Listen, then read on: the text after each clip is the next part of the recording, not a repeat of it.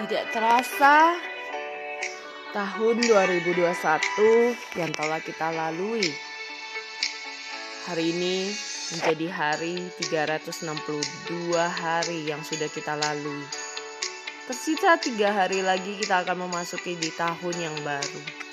Apa yang sudah kita lakukan? Apa yang sudah kita capai di tengah-tengah kondisi pandemik yang mungkin tidak pasti? Apakah kita sudah melakukan berjuang dengan maksimal atau kita hanya pasrah dan kita menyerah dengan keadaan? Di tahun yang baru 2022 kita tidak tahu apa yang akan terjadi, apakah pandemik segera berakhir atau akan ada varian baru atau hal apa pun.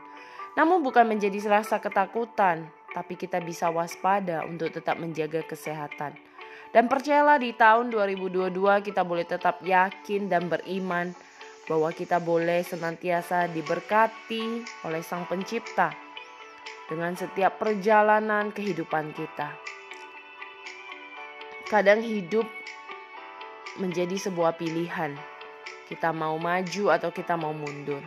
Kita mau tetap bersemangat atau kita mau menyerah.